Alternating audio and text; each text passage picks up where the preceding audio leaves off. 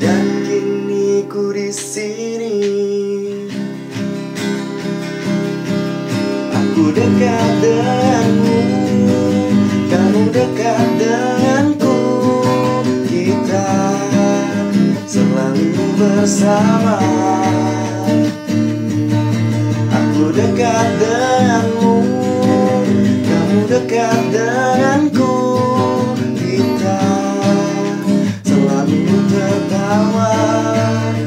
Seperti sedia kala. Oke teman-teman, balik lagi di seperempat abad bersama Faris Jauh di episode kedua kali ini dengan pakaian yang sama dan juga tamu yang sama, yaitu ada Mas Remo. Halo Mas Remo. Halo. Terima kasih sudah mau menyampaikan waktunya di episode 2 dengan pakaian yang sama dan background yang sama. Iya. Jadi episode 2 ini kita di kita buat langsung dari episode 1 ya, karena kebetulan eh, saya sama Remo ini ada bahasan yang cukup menarik lagi. Gak tahu nih sampai episode berapa nih kita pakai baju yang sama. Tapi di episode kedua kali ini, di umur seperempat abad itu kan di umur yang sangat dewasa ya. Orang tuh mengalami fase perubahan dari yang sebelumnya belum ngapa-ngapain jadi ngapa-ngapain atau menemukan tujuan hidup yang baru. Nah, di sini saya sama Remo kebetulan sudah melangkah lebih maju dari teman-teman yang lain mungkin yang di sini atau mungkin baru memulai langkah yang baru yaitu dengan memasuki kehidupan pernikahan ya Mo ya. Iya. Ya, jadi hari ini gue akan membahas sama Remo bagaimana kita melangkah untuk eh, menikah ya. Bagaimana pria melangkah untuk menikah. Asik. Pria berumur lebih dari seperempat abad melangkah. Pasti intinya kalau di tempat, kalau di gue sama Remo nggak ada perjodohan ya, nggak ada ya. Kita jauh dari kata Nggak ada. Nggak ada Jauh perjodohan. dong. Jadi kita mulai dengan start apa yang membuat kita harus uh, memilih untuk menikah mo? Kalau lu, lu, lu dulu deh. Lu gimana? Kalau gue sih, Lu di usia berapa Karena- menikah mo? Kalau lu mau buka gue 21. di kagak coy. Dua dua sembilan gua. 29 ya. Laki-laki, laki-laki tuh nggak ada batas ini kan? Maksud gua nggak ada batas paling tua menikah di umur berapa kan? Kagak cuma laki-laki coy, siapa juga nggak apa-apa mau nikah umur berapa. Tapi kan kalau wanita kan terikat Kan, dengan ah, menopause kayak gitu. menopause sama resiko kalau melahirkan sih makin tua makin berisiko. Oh iya, nah makanya kan Ah. dia dibatasin di umur 32 terak. Ya maksud gua ada kayak ada pembatasan secara budaya gitu. Kalau setelah setelah itu merah mungkin ya garisnya gitu loh. Oh iya iya iya. Kalau laki-laki ada nggak sih? apa? Kagak coy.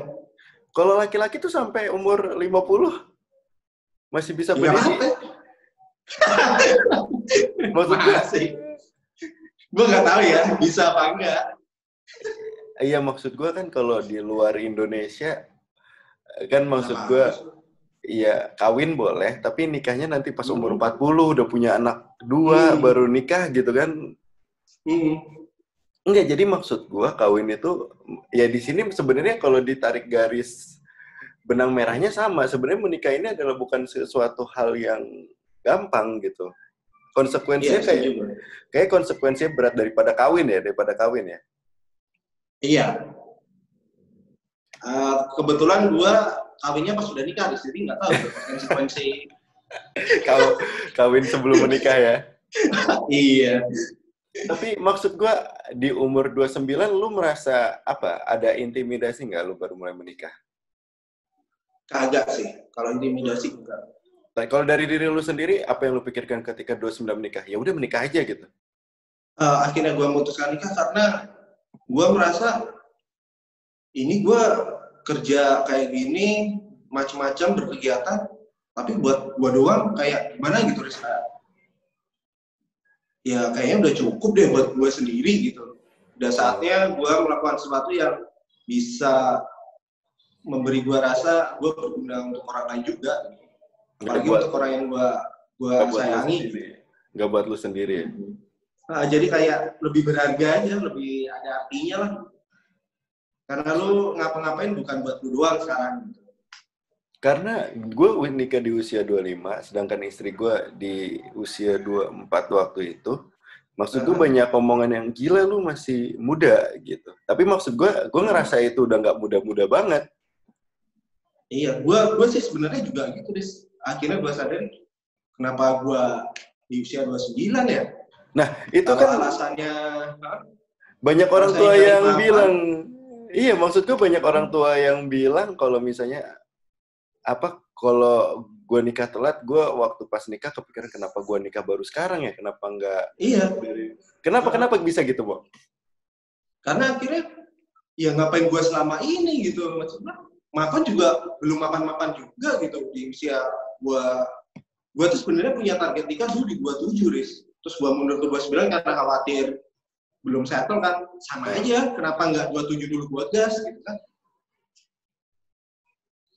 Oh, maksud gue lu merasakan nikmatnya harusnya bisa lebih cepat karena tidak ada perbedaan yang signifikan gitu ya. Lu meng- ah, antara lu nikah 27 apa 29 gua rasa mungkin Iya. kalau du- 27 dulu ah, Ya ini maksud gue kita tuh kayak lagi membandingkan sama nasihat-nasihat orang tua gitu loh. ah, ah, ah. Dan Iya, dan, ter- dan ternyata bener ya. ah, ah. Kalau kalau dibilang siap apa Iya. enggak ya balik lagi kapan sih lu pernah siap menghadapi sesuatu gitu gue setuju tapi itu. Ya maksud gue gue setuju. Gue juga maksud gue ya nikah nikah aja waktu pas besok setelah nikah gue sama istri gue ya ah ya udah nongkrong nongkrong lagi ngopi ngopi lagi. Iya kan? Iya. Ya mau tapi ya maksud gue ya udah mulai ada pembahasan yang lebih kompleks lah daripada pacaran lagi ya. Maksudnya ada keterbukaan yang lebih gitu. Nah yang kedua Iya. nih kadang ada ada omongan kayak gini sih orang tua gue dulu "Ah, ngapain sih kamu apa eh, hidup sendiri? Uang kamu loh habis kalau hidup sendiri. Malah kalau berkeluarga kamu bisa ngumpulin uang kayak gitu. Dan maksud gue Nah, ada benernya juga ya. Kalau gua sih memang itu bener banget Riz. Karena akhirnya gua tahu uang gua itu buat apa gitu. Enggak kan kalau dulu kita coba sekarang. Um, um, uang maksud gue misalnya buat ke mana? Ke Camden, habis itu beli buat beli barang martabak orange, jelas buat beli baju, buat beli baju, baju Iya. band. Terus Nah, maksud, iya. dengan maksud gue dengan ukuran uang yang eh, cukup besar, maksud gue dibandingin setelah menikah, ternyata uang gue porsinya masih bisa dipakai untuk yang lain gitu slotnya. iya setuju sama lebih ada artinya lah pengeluaran lu Iya nggak sih? Sekedar lihat istri lu seneng lu beliin apa gitu udah bahagia banget. Iya, tapi maksud gue kan kita dulu kepikirannya, anjir gue nikah, gue harus ngidupin anak orang, gue harus ngidupin anak dari anak gue sama dia. Aduh, gue bisa atau Hmm. enggak. Ternyata maksud gue waktu dijalanin ya bisa-bisa aja ya. Ya bisa lah. Kalau nggak bisa kan bisa-bisain pak. iya, malah maksud gue lebih survive ketika lo nikah daripada Ah, pacaran iya. ya. Karena ada motivasi tambahan sih. Lu harus bekerja lebih, effort lu harus lebih besar untuk itu. Ada pemacu lain. Ada pemacu lain ya. Ya maksud gue, lu nggak mau ngelihat keluarga lu sengsara lah ya. Eh, iya pak, setuju gue. Ya, ya, ya, ya, ya. Terus hab- habis itu apa apa yang membuat lu berbeda setelah lu menikah sama sebelum menikah? Ya Camden itu tadi. Oh iya, kita sudah menjauhi dunia-dunia. Sudah jauh itu. Cukup Kita- kita- itu. Terus nongkrong gue juga kurang kurang banyak sih. Eh, waktu gue buat nongkrong udah jauh banget kurangnya. Karena dulu gue mikir istri gue juga sebenarnya kagak masalah kalau gue nongkrong atau apa, tapi guanya sendiri yang nggak enak gitu. Iya, iya, sama sama sama sama. Bukan karena, jadi gue balik dari nongkrongan bukan karena takut dimarahin istri atau apa, tapi karena nggak nyaman aja tinggal istri sendirian di rumah kayak gitu. Oke. Kalau gue balik dari tongkrongan karena ditelepon. Gak nyaman aja tidur di luar. Iya, iya, gue iya. pernah sih dimarahin dulu, bukan gara-gara nongkrong, Riz. Gara-gara? Jadi gue balik rumah udah agak malam lah, jam udah agak malam. Itu istri gue udah di kamar kan. udah udah tidur gitu matiin lampu. Terus gue main mobile legend marah cuy. Malah marah? Jadi bini gue lebih sering marah kalau gue main mobile legend gitu. Karena dia dicuekin. Gue ada di situ tapi kagak ngajak omong gitu. Ya kalau itu sekarang emang gue lebih takarin porsi sih. Tapi emang kerasa Makanya mainnya Magic Chess ya. Iya Bisa disambi. apalagi kalau misalnya lo udah punya anak porsi apa ya Nah, Iya porsi nongkrong. Kalau gue sih mikirnya sama bini gue nongkrong boleh. Apalagi kalau ada temen gue datang ke rumah, kayak lu juga kan Hmm. suka temen lu suka nyamperin ke iya. rumah kan daripada lu Itu. harus keluar kan. cara penyiasatan. Iya, teman-teman gue juga suka Hmm. datang ke rumah gue nongkrong gitu sampai jam 9 jam 10 malam nggak ada masalah sih. Tapi maksud gue Iya. emang beda gitu kalau kita nongkrong di luar kan ninggalin ya. Kalau nongkrong di dalam Hmm. kan mungkin atmosfernya kebentuknya jadi lebih apa ya, lebih nyaman. Jadi istri lu mungkin bisa ikut ikut dalam obrolan juga kali ya. Iya, betul betul betul. Terus habis itu banyak nih, mau Hmm? pas kita Hmm. mel- melangkah menikah kan banyak orang yang tiba-tiba berubah gitu. Ada nggak teman-teman lu yang Hmm. misalnya, wah gue sebelum nikah misalnya anaknya Wah gini kayaknya banyak coy, apa? ya? banyak banget, banyak banget. Banyak banget ya. Enggak, Hmm. maksudnya gue suka nemuin orang yang tiba-tiba berubah jadi sojaim atau misalnya sosok dewasa. Wah, iya. Terus Nah. itu kayak, oh maaf ya, maaf ya gitu. Padahal maksud gue kalau gue jalanin ya biasa-biasa aja gitu. Iya, biar sok serius gitu ya kali ya iya maksud gua kayak kayak ada penanaman sebuah mindset oh kalau menikah tuh gua harus jadi orangnya tuh model kayak gini gitu malah gua nggak respect sih Iya. Temen gue paling cuma 10% Des, yang masih sama kayak sebelum dia menikah. maksudnya masih Sisanya sih kayak, berubah. kayak gini Hmm, ada nggak 10% doang. ada nggak temen lu yang dari nggak asik pas nikah malah jadi asik Kagak ada. eh bokap gua kayak gitu loh Iya, tapi kebetulan gue nggak dapet tuh pengalaman teman yang lebih asik pas nikah. tapi tapi malah banyak 90% orang setelah menikah Hmm. dia akan menjadi orang yang berbeda gitu Enggak, ini Kalau maksud- teman-teman gue gitu. Oh itu emang gitu. Ah, enggak, maksudnya berbeda kan, bukan eh, bukan nggak asik tuh kan, misalnya kita tahu lah kalau udah nikah, oh, Oh, iya. nongkrong dikurangin. Tapi maksudnya Hmm. jadi berbeda itu banyak malah bro. Banyak bro. Kalau teman gue ya, lingkungan gue ya. Oke oke oke. Enggak, kenapa? Kayak maksud gue kenapa bisa 90% berbeda? Kagak ngerti gue Riz. Uyang kali. Puyang-puyang. Karena mungkin mungkin dia juga udah jarang nongkrong, udah jarang keluar gitu. Pergaulannya juga mulai terbatas. Akhirnya dia keluar di dunia resmi atau gimana kan kita juga nggak tahu. Beda itu bukan ya ya gitulah. Iya iya iya iya iya. iya. Ya maksud gue berbeda dari dulu pemikiran. Cuman kan iya iya. Tapi maksud gue perubahannya tuh signifikan gitu loh mau. Ya nggak dalam hitungan dua hari, dalam hitungan sebulan gitu. Tiba-tiba dia Hah? kok berubah banget kayak gitu. Kayak Gua Apalagi ngelihatnya- bapak-bapak banget nih. iya jadi maksud gue orang yang bapak-bapak aja yang umurnya 40 tahun kadang ada yang lebih asik daripada kita. Sedangkan ini yang masih muda sangat old and boring gitu. Iya. Enggak tiba-tiba berubah signifikan entah buat apa gue gitu memaksakan. Gue takutnya dia nggak nyaman malah berpengaruh di keluarganya kan jadi rusak ke mana-mana. Kalau gue mikirnya gitu. Nah, bisa jadi tuh.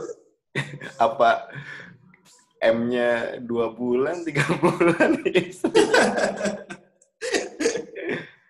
Tapi apalagi mau yang maksud gue ketika lo keputusan apa ya maksud gue apa apa yang harus dipahamin orang-orang yang pengen melangkah menikah di usia seperempat abad atau misalnya di usia 25, 26, 27 saya lu jangan Hmm. lama-lama deh kita kan tadi udah Ah. ngomong lu jangan lama-lama Oh deh iya.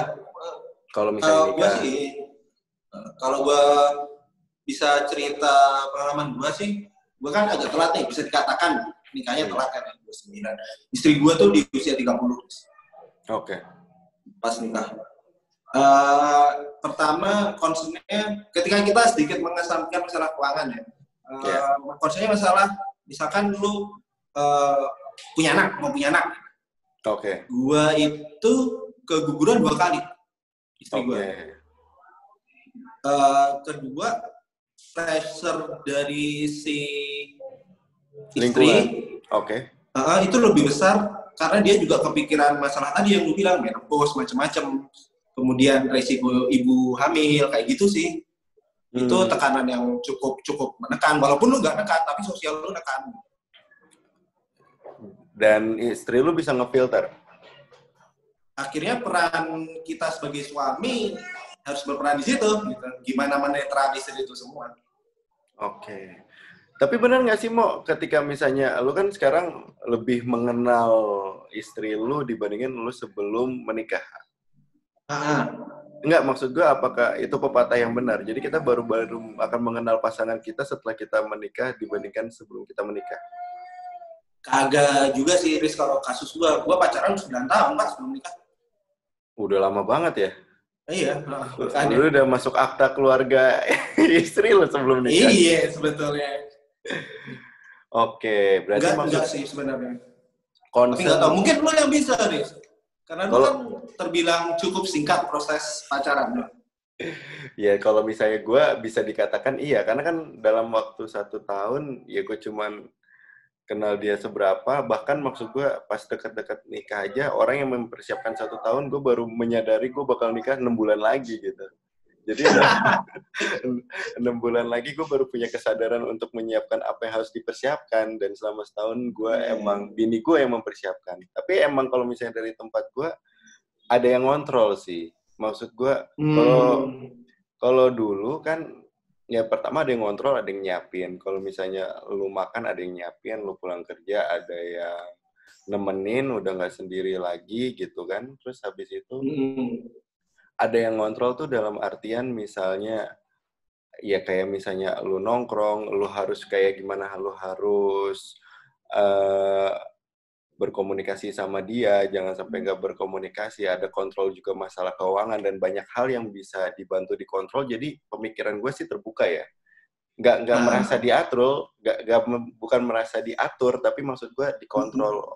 Oh kita harus di ada- organize ya diorganize. Oh, kita tuh Hmm. ke depannya mau achieve ini, maka kita harus ngapain. Lebih baik kita sekarang eh, mengesampingkan ini, kita mengutamakan untuk fokus yang kayak gini adalah kayak gitu. Apalagi karena gue punya anak ya, jadi spend budgetnya juga fokusnya malah ke Hmm. anak gitu. Malah gue udah punya Iya. pemikiran yang sangat old and boring ya, kayak orang tua gue. Kayak gue kayak gue udah nggak punya tujuan lain lagi selain mikirin anak gue sekarang malah. iya nah di titik ini gue yang belajar dari lo ya maksud gue eh, ya siap nggak siap ketika lo punya anak emang selalu nggak siap ya karena gue juga ngeliatin ponakan gue dari 0 bulan sampai 6 bulan beda rasanya ketika lo punya anak 0 sampai 6 bulan sendiri gitu. Hmm. tapi maksud gue itulah pesan yang lo sampaikan ya. Jadi maksud gue tetap bakal ada distraksi sosial ya jadi maksud gue Iya, gangguan-gangguan sosial ketika lo menikah dalam kasus ini lo menikah di kondisi yang telat ya? Tekanan sosial lebih ke biasalah tanyain gimana? Udah isi belum? Udah apa? Belum kayak gitu. Itu kan sebenarnya juga ganggu. Dan itu pertanyaan yang makin lama makin itu sama kayak pertanyaan kapan nikah ya? Jadi makin lama sensitifnya Hmm. makin tinggi ya? Iya tapi bukan kalau gue sih cuma tapi ke istri gue kan ya berarti maksud gue peran lo untuk menyenangkan dia dan menenangkan dia di Ah. sini hmm. Oke. Ya, ya, ya, ya. Apalagi sama hal tanggung jawab tanggung jawab apa tuh?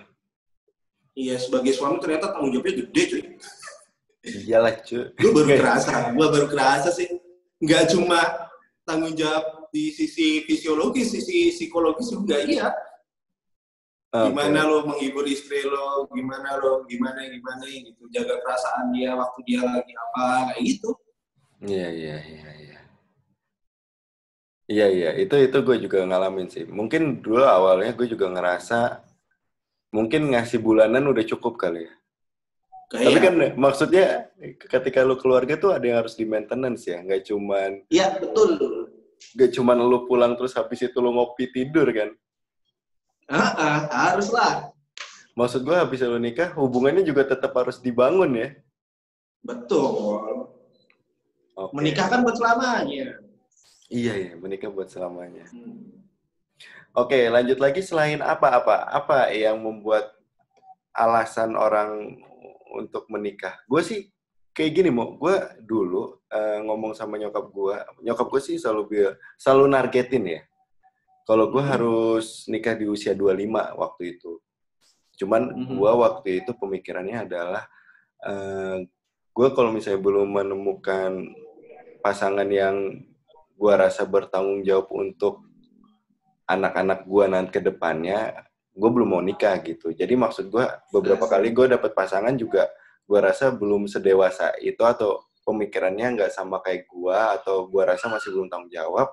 Tapi memang kebetulan banget di usia 25 itu gue malah ketemu sama istri gue sekarang ya gue ngerasa udah cukup dan di situ gue tiba-tiba muncul.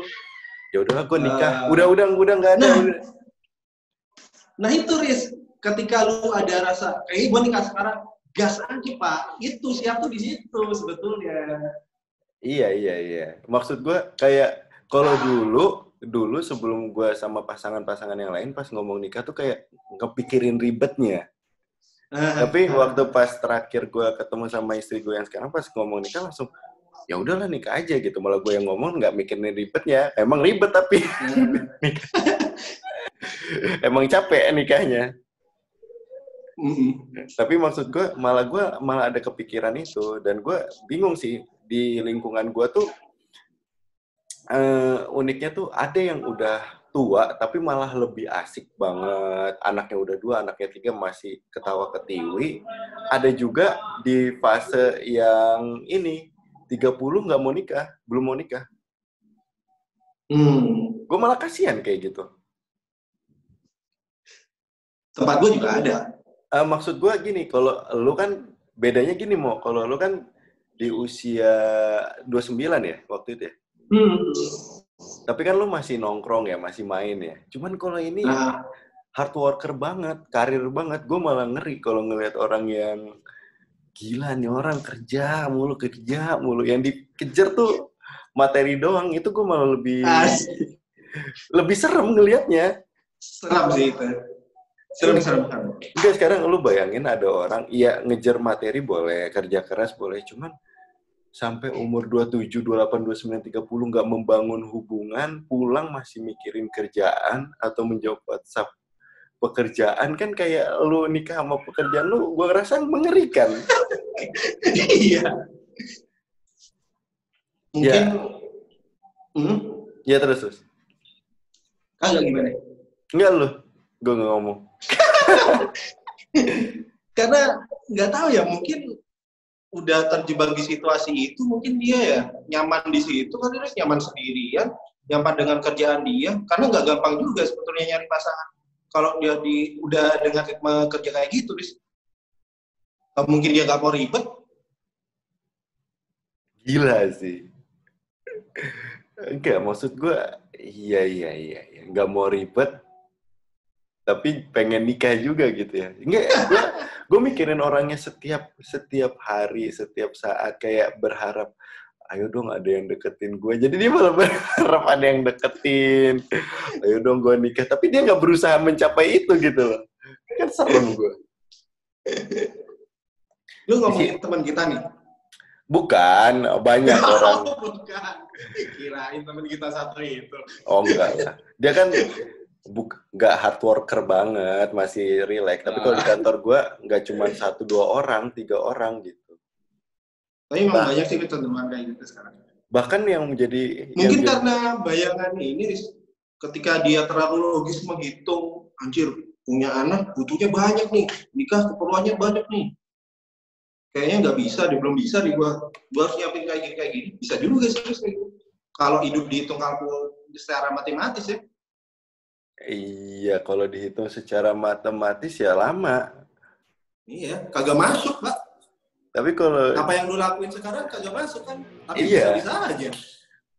makanya gue juga maksud gue masuk dalam fase pembelian popok dan makan anak kan maksud gue spendnya gede ya gue juga nggak kolaps kolaps juga gitu maksudnya Nah, Makanya Puyeng, Pak. puyeng sih. Lupok dan Untungnya banyak ini sih. Kan kalau kita sekarang jadinya kayak pengejar diskon online. Gue tuh biasanya nggak Ah, nggak nggak nggak nggak nggak ada ke sana. Tapi maksud gue diajak sama teman-teman gue di kantor dikasih link nih popok lagi diskon. Nih makanan bayi lagi diskon. Langsung aja gue ikut aja. Tapi ya beberapa kali gue cuman nge-forward ke bini gue doang. Kayak gitu. Ya maksud gue segala cara lah. Ya pas namanya udah berkeluarga. Yang paling ngefek lagi, ya, ketika misalnya kita melangkah menikah sih gue yang dulunya sering main-main traveling malah pas nikah malah nyaman di rumah banget. Lu juga Lu? semua. Kalau Kagak kalau gua bini gua ngajak jalan mulu. Nah, bini gue sekarang masuk dari dulu sampai sekarang pa- masuk fase yang sering ngajak jalan-jalan dan salah satu Hmm. kenapa dia pengen nikah sama gue, dia ngelihat gue suka jalan-jalan. Pas nikah ternyata gue gak mau jalan.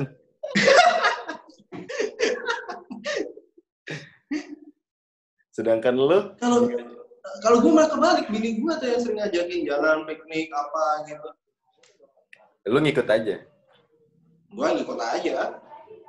Eh, gua dulu mana pernah harus jalan-jalan ke tempat wisata ke luar kota gitu. Males banget, mending di rumah gabut. iya sih, ya gitu gue sama kayak lu. Mendingan gue gabut di rumah. Orang gue nyewa kontrakan ya, atau misalnya gue tinggal di rumah gitu kan buat ditinggalin kan. Bukan Iya. buat, iya, jangan ditinggalin. Bukan buat disemain lagi. iya. Apa apa mau kalau kita misalnya mau menikah yang harus kita persiapkan sebenarnya, sesebenarnya. Ketika Mental lu sih, Pak. Kalau gua sih, kalau gua bener-bener ke mental sih. ketika lu udah mendapatkan pasangan yang lu anggap percaya adalah mental. Kenapa mental? Iya. Sebenarnya kerasa nggak sih? Lu kan udah pernah akad nggak sih? Iya, iya. Akad pernah akad pasti. Lu sendirian kan di situ. Iya, Orang tua lu di belakang lu doang gitu. iya. Itu berarti kan tanggung jawab kita itu atas kehidupan istri kita sebetulnya. Keluarga kita udah nggak urusin gitu loh. Maksudnya tanggung jawab itu full di lu. Bener, bener, bener, bener. Dan tanggung jawab itu nggak selesai cuma pemenuhan keuangan doang, Riz. Batinia. Batin dia gimana, iya. psikologi dia gimana, kayak gitu. Itu sebenarnya yang susah sih. Iya sih sampai sekarang. Tapi emang kerasa kayak gitu ya. Gak tahu. Gue juga nggak pernah kepikiran. Satu lagi yang susah kan gini, Riz. Misalkan eh, istri lu baru down, kayak gua nih, kasus gua misalkan pas keguguran itu kan dua-duanya sedih nih, tapi gua nggak boleh sedih banget, Riz. Hmm, Karena nggak mungkin dong dua-duanya ambruk di titik waktu yang sama gitu. Susahnya setengah mati, Pak, Iya, iya. untuk tetap keep in faith gitu. Iya, iya, iya. iya. Lu, lu memang harus Terus sih. sama ini, Riz, menggabungkan dua keluarga, Pak. Aduh, itu sampai sekarang juga susah, cuy. Gua pernah diambekin, Pak, sama ibu Sama gua gara-gara nggak per diambekin sama ibu gua gara-gara nggak pernah ke rumahnya Ibu kandung lu sendiri. ke rumah uh cemburu sama mertua karena gua sering ke rumah mertua pak Oh iya, karena mungkin lu satu ini ya, satu satu satu lingkungan ya. Maksudnya sama-sama di Jogja. kan. Kalau kalau gua kan jauh, yang satu di Jakarta, yang satu di Surabaya kan. Jadi maksud gua palingan berarti porsinya di Jakartanya gua udah keseringan sama nyokap gua nih. Nah berarti Hmm. maksud gua saat nyokap gua apa mertua gua datang ya, gua full sama mertua gua misalnya sebulan dua bulan kayak gitu. Ya belum belum pernah merasakan di situ, cuman tendensinya sekarang masih baru eh, penyesuaian di bini gue sama keluarganya, gue sama keluarganya mertua gue juga. Kayak gimana Hmm. itu kan juga tantangan, cuy. Yo ini Enggak maksud gue terus tantangan kan apa? hmm, tantangan gimana Iya maksud gue tantangannya itu nggak dari awal lu nikah, lu punya anak, nanti ada tantangan baru lagi, penyesuaian lagi. Yang satu udah punya pengalaman punya anak, yang kita baru mulai, terus anak kita mau sekolah, yang satu ngasih tahu segala macam, terus aja adaptasi, nggak beres-beres. Eh, itu asiknya kan Iya, sama jadi bantal Riz bantal itu gimana? misalkan uh, ibu gua agak nggak cocok nih sama perilaku ke apa ya hal yang istri gua buat gitu agak nggak cocok Oh iya iya iya iya. nah lu yang ngadepin gitu kan agar emosinya kenanya ke lu gitu Eh, gue pernah pernah dapat ini loh, apa? Pernah dikirimin Azi Aziza lagi ya, istri gue postingan di Instagram itu tulisannya dua slide tips Ah. agar anda tidak dimarahi istri ketika WFH tanda tanya. nah, Pas di slide kedua nggak ada tuh. Tulisannya nggak ada, padahal dia ngasih tips. karena emang nggak ada tipsnya. Iya, emang nggak ada tipsnya. Emang ya, emang kalau jadi bantalan tuh lu mau dari jadi bantalan dari bini lu, mau jadi Heeh. bantalan dari orang tua lu ya sering sih. Ya enggak itu kan cuma masalah nggak cocok, cuman kalau gue sih fokusnya jadi penengahnya. iya itu maksud gue Apalagi apa itu kalau middleman apalagi kalau kondisinya udah terlanjur gitu loh. Maksud gue ada situasi kondisi yang udah terlanjur kejadian baru mulai itu. Itu kan Masalah. biasanya iya, yang satu ini nanti kita pindah ke kamar yang ini ngomong. Wah.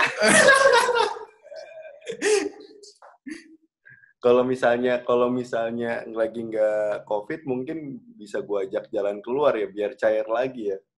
Lah sekarang Hmm. kalau lu di covid di rumah doang masuk kamar masing-masing gimana? Kan jadi ribet juga. Eh, sama ini sih kalau yang Syafin lu harus apa ya pintar me- memainkan peran tertentu bukan peran tertentu karena misalnya kayak lu Riz, lu kan punya peran sebagai ayah punya peran sebagai suami punya peran sebagai anak dan punya peran sebagai menantu. Lu bayangin peran lu ada berapa pak dalam kehidupan lu kan? Kan menuntut lu yang berbeda-beda itu juga capek pak. Iya sih. belum lagi lu di kantor sebagai apa kan? Nggak bisa campur aduk gitu kan ya Gua gue merasakan pusingnya gue dengan peran itu sih waktu pas mertua gue. Gue tinggal sama mertua ya. Mertua gue lagi tinggal Hmm. di rumah nih. hmm? Iya gimana ya, maksud gue lu capek nih pulang kerja, terus habis itu masuk ke rumah kan ada mertua lu ya. Eh, lu langsung berubah jadi menantu kan Iya, lu selama seperempat abad nggak pernah tinggal sama mertua itu kan. Eh. Lu sehari itu ada mertua, wah oke, gua gua ya udah gua mandi, cuci muka, misalnya gua sebat, habis itu ya mau nggak mau, lu misalnya udah capek nih misalnya mau ngomong. Hmm, Tapi kan di situ ada mertua lu yang harus lu ajak ngobrol juga dong. iya ya terpaksa mulai baik buka obrolan, buka obrolan kayak gitu. Apalagi menjadi menantu sebaik-baiknya gitu ya iya, apalagi waktu itu posisinya anak gua baru lahir, baru sehari, tujuh hari, seminggu. waduh Iya maksud gua, gua bingung nih, mertua gua full maintenance sama istri gua ke anaknya. Jadi kayak gua kan gak dapat porsi mau megang anak gua waktu itu kan. Eh. Gak megang nanti tanggapannya gua nggak ngurusin. mau megang kok kayaknya ngerecokin Iya. Mau megang nangis ntar gue yang disalahin. Serba salah dong, kan? Serba Iya salah gue. tapi seru sih sama itu berarti kita harus siap-siap kita nggak ada dalam arti lu nggak ada lunya gitu Riz karena sibuk dengan beberapa peran yang harus kita lakukan kan sebagai suami sebagai apa lah sebagai Farisnya mau kapan gitu Iya sih. Gue tuh sekarang sebagai Faris nih, misal gue main game aja nih. Kalau misalnya gue suka main game atau misalnya nih bikin-bikin kayak gini ya. Ini kan Hmm. maksud gue siang sore masih ada pengasuh anak gue lah yang nemenin, bantuin. Karena kan masuknya hari kerja juga kan Hmm. sekarang. Ya gue baru kan kalau misalnya hari ini kerja nggak work from home ya gue baru bisa menikmati diri gue jam sembilan setengah sepuluh. Itu pun kalau anak gue tidur jam sembilan setengah sepuluh. kalau bangun jadi bapak kan ya Ya kalau bangun, gue mau nggak mau ninggalin apa yang gue lagi kerjain, segala macem. Mau menang atau kalah udah nggak jadi pilihan lagi. Makanya maksud gue, Wah gila. Kayak tapi misalnya kayak hari ini ya, khusus kayak hari ini kan gue mau nyiapin seperempat abad tuh. Hmm. Iya gue nyempetin main bentar, pokoknya oh eh, kebetulan bini gue lagi lembur juga, anak gue tidur jam 9, gue bisa main sampai jam 12 tuh. Terus habis Hmm. itu bini gue udah pengen istirahat, jadinya gue gas aja sampai sahur. Hmm. untuk nyiapin seperempat abad daripada besok udah nggak bisa lagi kan. Pokoknya maksud Gila, gua gila, gila, gila. it- se- secara tidak langsung sebenarnya hitungan matematis kita jalan sih. Terus porsi porsi keikhlasan kita untuk kebiasaan yang apa mengurangi kebiasaan yang kita lakukan juga melapang semakin melapang dan Iya, semakin betul, besar. betul. Gila sih. Luar biasa ya sebenarnya jadi suami itu. Sebenarnya momen paling enak itu gua kalau misalnya gua ke rumah nyokap gua.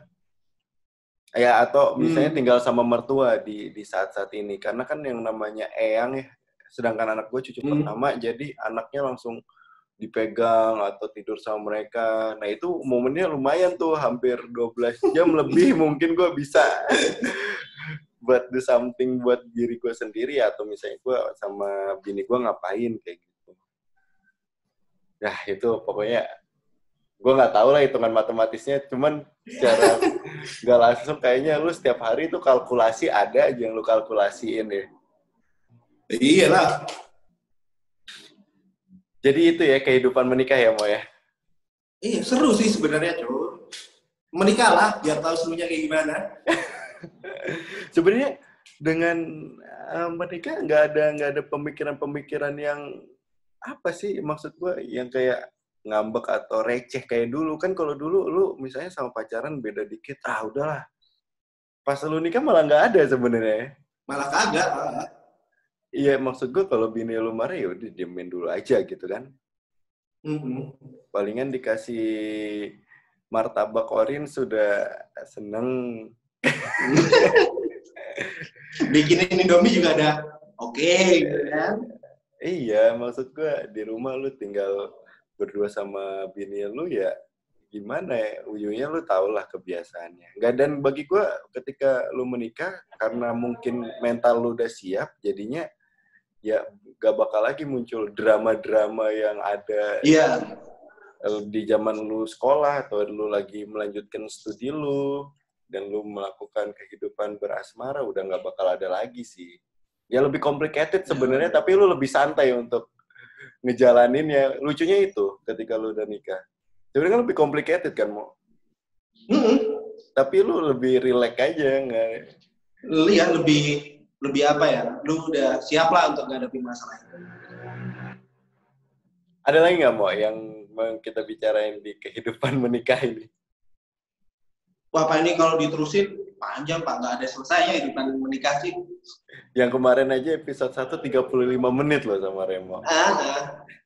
So itu dia pokoknya tentang bagaimana para pria-pria ini saya dan Remo melangkah menikah dan sedikit juga Easter egg tentang kehidupan menikah kita apa aja yang harus kalian ketahui dan siapkan menikah itu bukan Hmm. sesuatu hal yang sebenarnya menakutkan ya Enggak lah. sebagian besar orang banyak yang mau, sebagian besar juga ada yang mungkin masih tabu dan nggak mau, dan mungkin sebagian besar orang di Indonesia ini ada yang terpaksa menikah. Itu yang lebih mengerikan lagi sebenarnya sih, Mo. Kalau maksud gue di generasi sekarang masih ada yang dipaksa untuk menikah sama pasangan yang dia tidak inginkan ya. Iya. Karena lo nanti ke depannya harus tinggal berdua sama orang yang harus lo kenal, men. Sebagai sahabat Ya, hidup lo. Bukan sebagai orang lain gitu. Betul, betul. Gue gue bingung deh kalau misalnya lo terpaksa nikah sama orang lain, udah di rumah lo sama orang yang gak lo sayang, gak lo kenal ya. Tapi masih bisa lo kawinin, terus habis itu kalau pergi ke rumah mertuanya, gila lu kebayangin gak? Di Kagak rumah, bisa bayangin gue. di rumah mertuanya dia nggak ada yang dia kenal, Mbak. Bahkan istrinya aja nggak kenal kalau dia dijodohin. Pokoknya itulah. Pokoknya sebenarnya menikah itu nggak bukan hal Nggak seserem itulah. nggak Nggak menakutkan. Sebenarnya kan nggak ada perubahan signifikan dari kita masih bisa Iya. asik-asik, masih bisa nongkrong-nongkrong. Dan perubahannya itu pasti ada lah. Asal lu mau mencoba aja kan ya sebenarnya mau ya. Iya, betul. So itu dia seperempat abad episode kedua kali ini tentang bagaimana melangkah menikah ala Faris dan juga Remo. Thank you Remo yang udah nemenin di episode kedua hari ini. See you mungkin di kesempatan di seperempat abad berikutnya. Dadah. Dadah. Dan kini ku di sini. Aku dekat denganmu, kamu dekat denganku. Kita selalu bersama. Aku dekat denganmu, kamu dekat denganku. Kita selalu tertawa seperti sedia kala.